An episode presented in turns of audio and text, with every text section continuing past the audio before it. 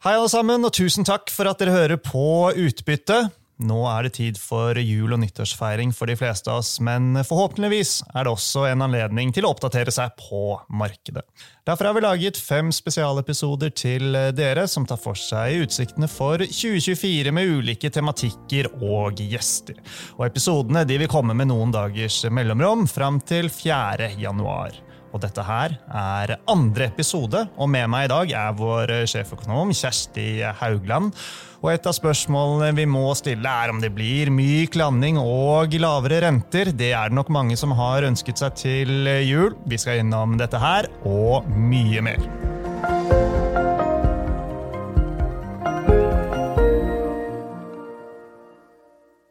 Velkommen til Utbytte. DNB-podkasten der vi forklarer hva som skjer i den globale økonomien og finansmarkedene.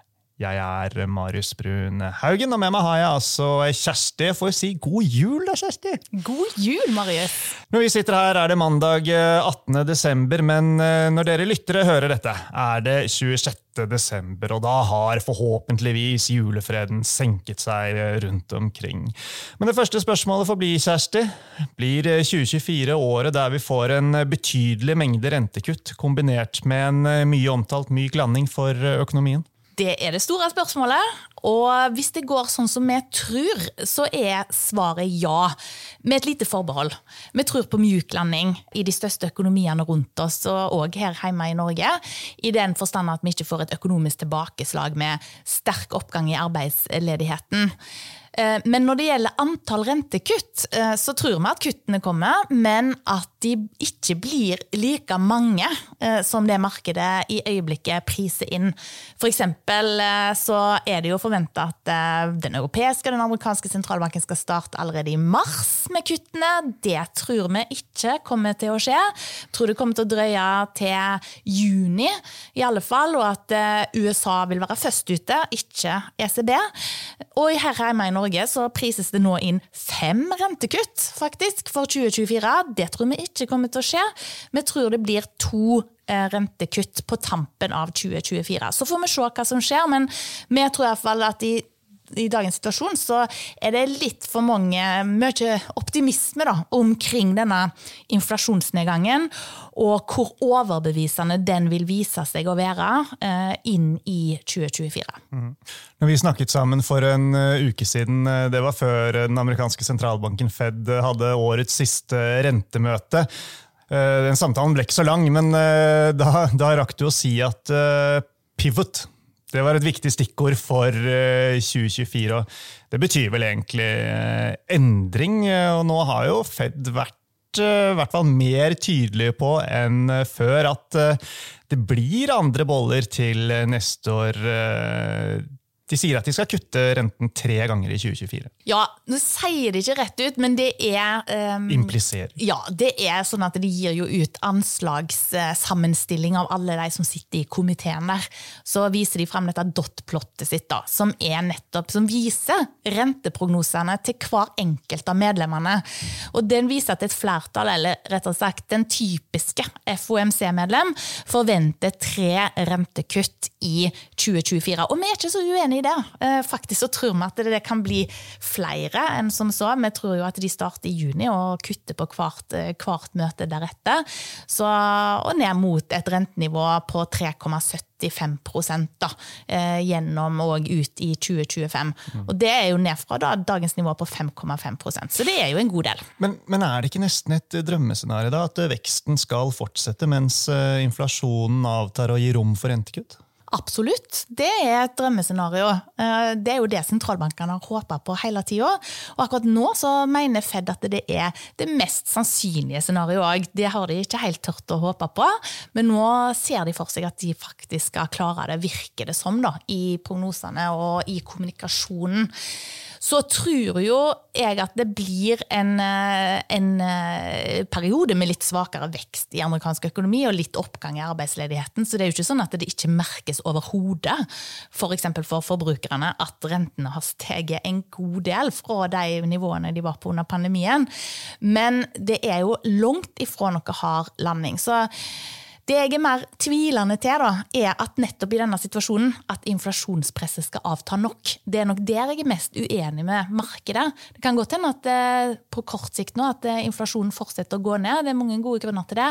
Men når du ser den lønnskostnadsveksten, eh, både i USA og i Europa, så tenker jeg at en skal være veldig forsiktig med å lite altfor masse på at inflasjonen skal stabilisere seg på 2 Det tror jeg rett og slett ikke på. Ja, Så ja, inflasjonen kan falle videre, men den kommer til å ligge over de fleste sentralbankenes uh, mål, uh, også til neste år. Ja, jeg tror Han kan godt komme ned til målet, men jeg tror så han vil vende opp igjen. Uh, og legge seg på et, et, nivå som er høyere enn det sentralbankene egentlig ønsker. Men ikke et så høyt nivå at sentralbankene vil få hastverk med å kjøre rentene opp igjen. Eh, men det er selvfølgelig òg et scenario en kan se for seg, at eh, sentralbankene innser at de letter eh, på bremsepedalen for tidlig. Men jeg tror heller det at det vil være behov for å holde rentenivået vesentlig høyere enn det det har vært i de 15 årene i forkant av pandemien. Mm. Ja, hvordan ser det ut da for de ulike geografiene? Altså Går det mot en periode med litt svakere vekst i USA, men samtidig et vekstoppsving i eurosonen? Det er det vi tror mest på. Eh, og for USA så er vi jo ganske enige med både Fed og analytikerkorpset for øvrig, når vi leser konsensusforventningene. Vi har jo et anslag på at veksten i USA kommer til å bli halvannen prosent neste år, omtrent. Og det er ikke så verst, men det er jo lavere enn det som er normalt for økonomien, og lavere enn det som økonomien da klarte å, å få til i 2023. Så det blir jo dempa vekst, og vekst som er lavere enn normalt, som da typisk vil bety at arbeidsledigheten stiger fra disse unormalt eh, lave nivåene, men altså ikke en kraftig nedkjøling.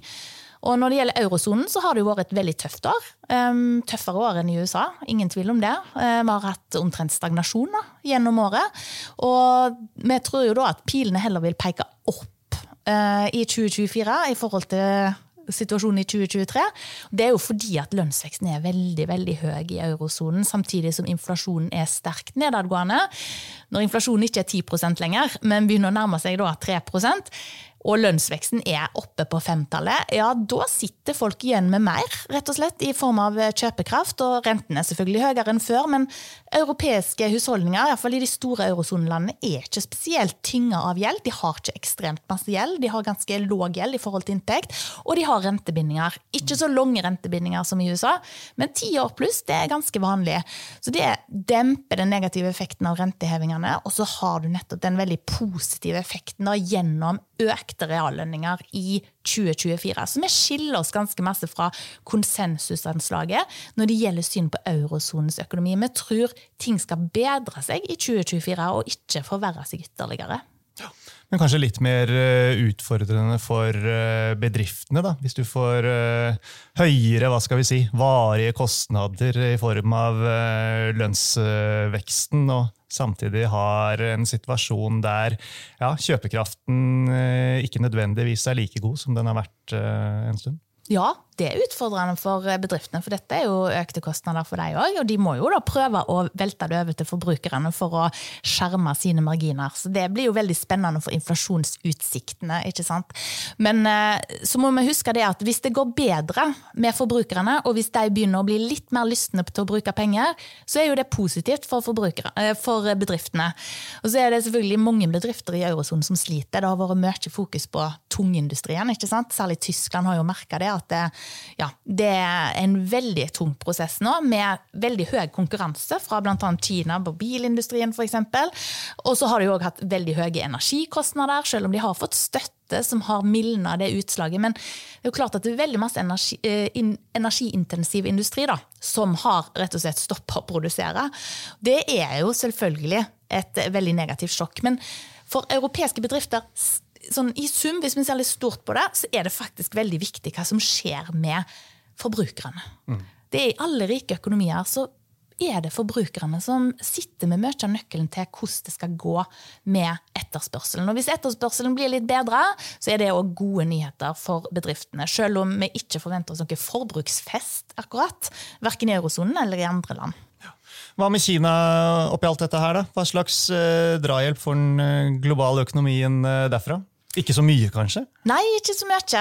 Eh, men Kina går jo på, på, noen måter litt bedre enn det vi hadde trodd, fordi det er så voldsom satsing på industriprosjektet til Kina. Eh, der øker jo låneopptaket mye inn mot industrien, mens boligsektoren da ligger nede for telling. Som jo har ført til at selv om Kinas økonomi går svakt pga. tilbakeholdne forbrukere, og nettopp dette boligmarkedet som ligger for fortelling, så eh, holder jo økonomien og produksjonen seg mer oppe pga. disse stimulansene. Eh, myndighetene ønsker å få til å bygge opp og booste strategisk viktig industri. Jeg nevnte bilindustrien i stad. Det er jo en av de, eh, de sektorene som blir boosta her. Så frykten vår er vel egentlig det at de bygger opp for stor overkapasitet. Da, med de trendene vi ser nå, med at Kina blir pusha ut i kulden av Vesten.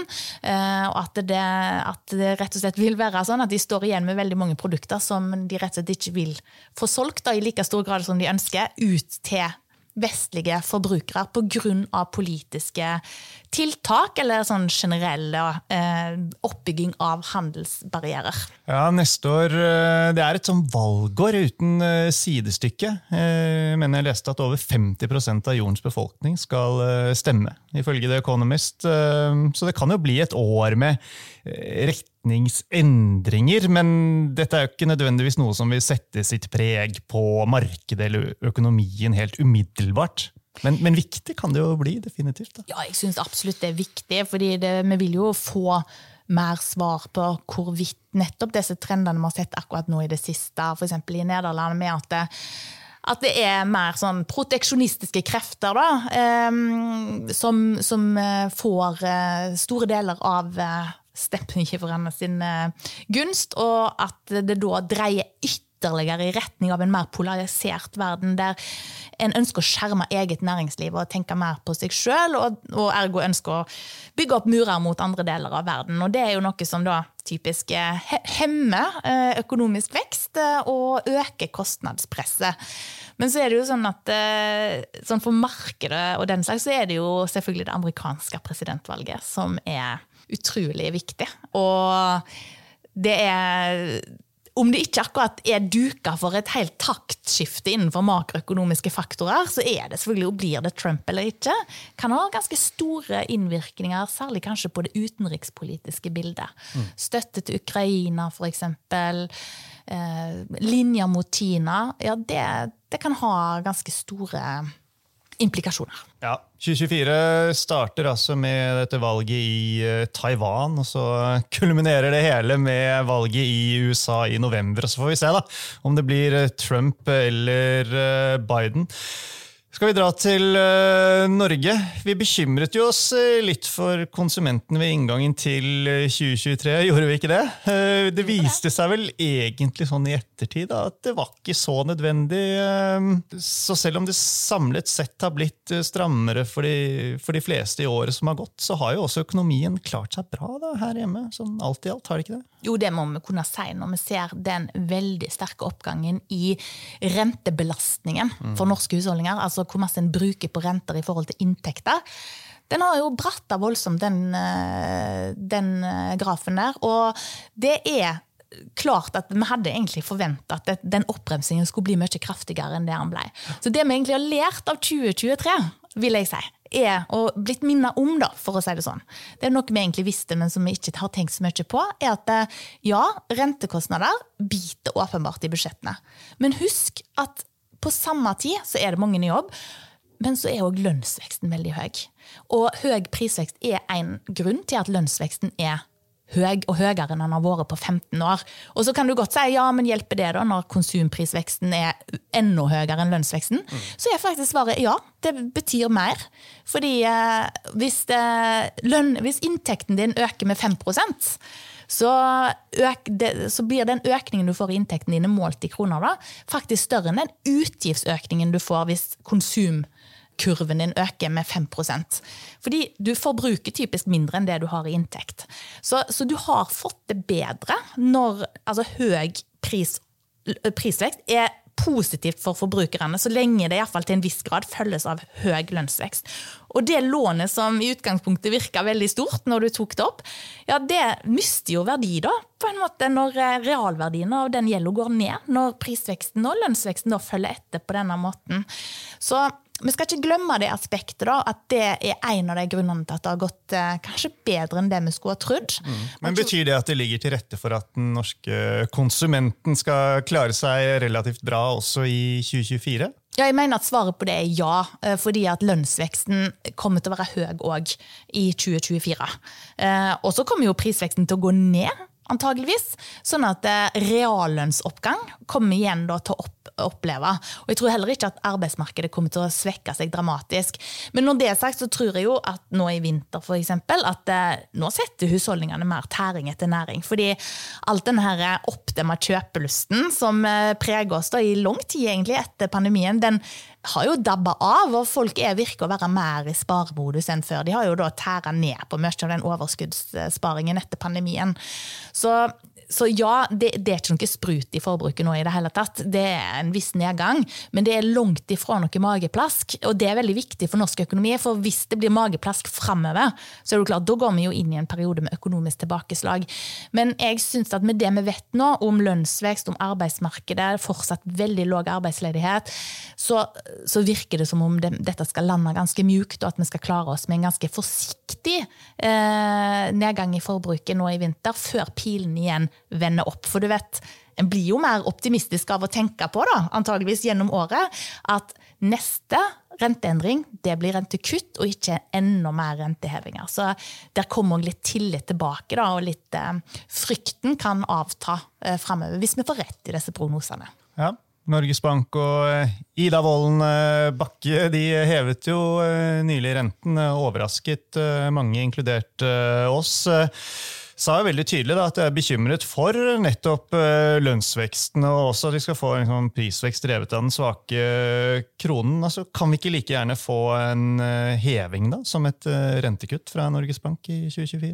Jo, Det er òg et veldig godt poeng. for Nå snakker jeg om hovedprognosen vår. At vi ikke får en videre svekkelse av kronekursen nå gjennom 2024.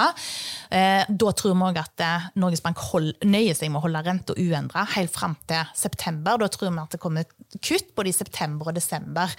Eh, og så fortsetter en litt lenger ned på renta i 2025. Men hvis vi i stedet for får et scenario som er et risikoscenario som langt ifra er usannsynlig, at eh, kronekursen svekker seg mye. Vi har faktisk gitt ut en konkret analyse på et risikoscenario der euro norske stiger til 1250. Et sånt scenario kunne jo vært utløst av mange årsaker, men det kan være oljeprisen som faller, økt pessimisme, uro i finansmarkedene. Ja, Da tror vi at Norges Bank blir tvunget til å respondere på det. Og vi ser for oss da ei styringsrente. Nå har vi jo ei styringsrente på 4,5 Så ser vi for oss at styringsrenta må opp på 5% for å kunne ha en rentedifferanse mot eurosonen som er sånn som den var før pandemien. Som i hvert fall får forsvart litt av den krone, kroneverdien. Og da er det klart, da får du et svakere bilde eh, for eh, norsk økonomi enn det vi tegner i vårt hovedscenario. Sant? Men vi ser jo heller ikke for oss at det skal tanke fullstendig her. Ikke minst fordi vi har eh, en finanspolitikk da, som sikkert da ser sitt snitt til å øke pengebruken, ikke minst i et valgår, for å da kunne demme opp for den mer negative utviklingen i norsk økonomi. Hvis, er, hvis renteoppgangen da kun skyldes at Norges Bank må trå til for å stoppe kronesvekkelsen. Så det er en joker, altså. Krona ja. er en joker. Det er mange jokere, men jeg syns den er spesielt viktig, noe desemberhevingen eh, nettopp illustrerte. Ja, men Bra, det, Kjersti. Da har du gitt oss en uh, aldri så liten oppdatering. altså Oppsummert 2024. Det kan altså komme til å by på både rentekutt og en myk landing, sånn jeg tolker det? altså. Ja, jeg tror, jeg tror, mest på det. Jeg tror dette blir året der eh, husholdningene og økonomien nå ser at ting har stabilisert seg, og at eh, inflasjonsproblemet slettes ikke er på vei til å bli totalt løst, men at det letter eh, betraktelig, og at en kan slippe foten av bremsepedalen, iallfall til en viss grad. Ja. Ja, men Bra. Sist, men ikke minst så får vi jo ta med at uh, som vanlig så kommer du og resten av uh, makroanalysegjengen uh, tilbake med utfyllende og oppdaterte prognoser. Et stykke ut i januar så har vi litt å, å, glede oss til også. Tusen takk for at du var med i dag, Kjersti. Og sist, men ikke minst, tusen takk, folkens, til alle dere som hørte på.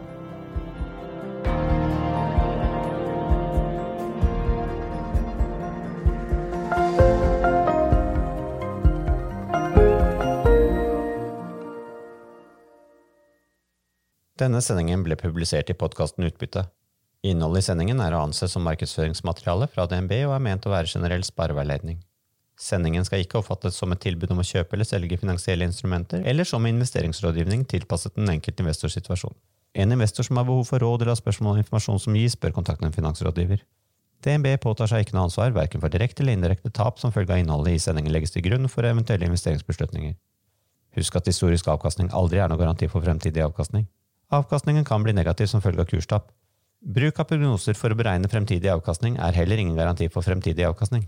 Innholdet i sendingen bygger på informasjon fra offentlig tilgjengelige kilder som DNB ser på som pålitelige, men som ikke er uavhengig verifisert. Følgelig gir DNB ingen garanti i forhold til nøyaktighet og fullstendighet. Alle uttalelser her reflekterer DNBs, den enkelte ansatte, eller andre tredjeparts vurderinger på tidspunktet for den aktuelle sendingen, og kan i ettertid endres uten nærmere beskjed. Ytterligere informasjon om bl.a. kildebruk og interessekonflikter er tilgjengelig på dnb.no skråstrek invest, bindstrek disclaimer.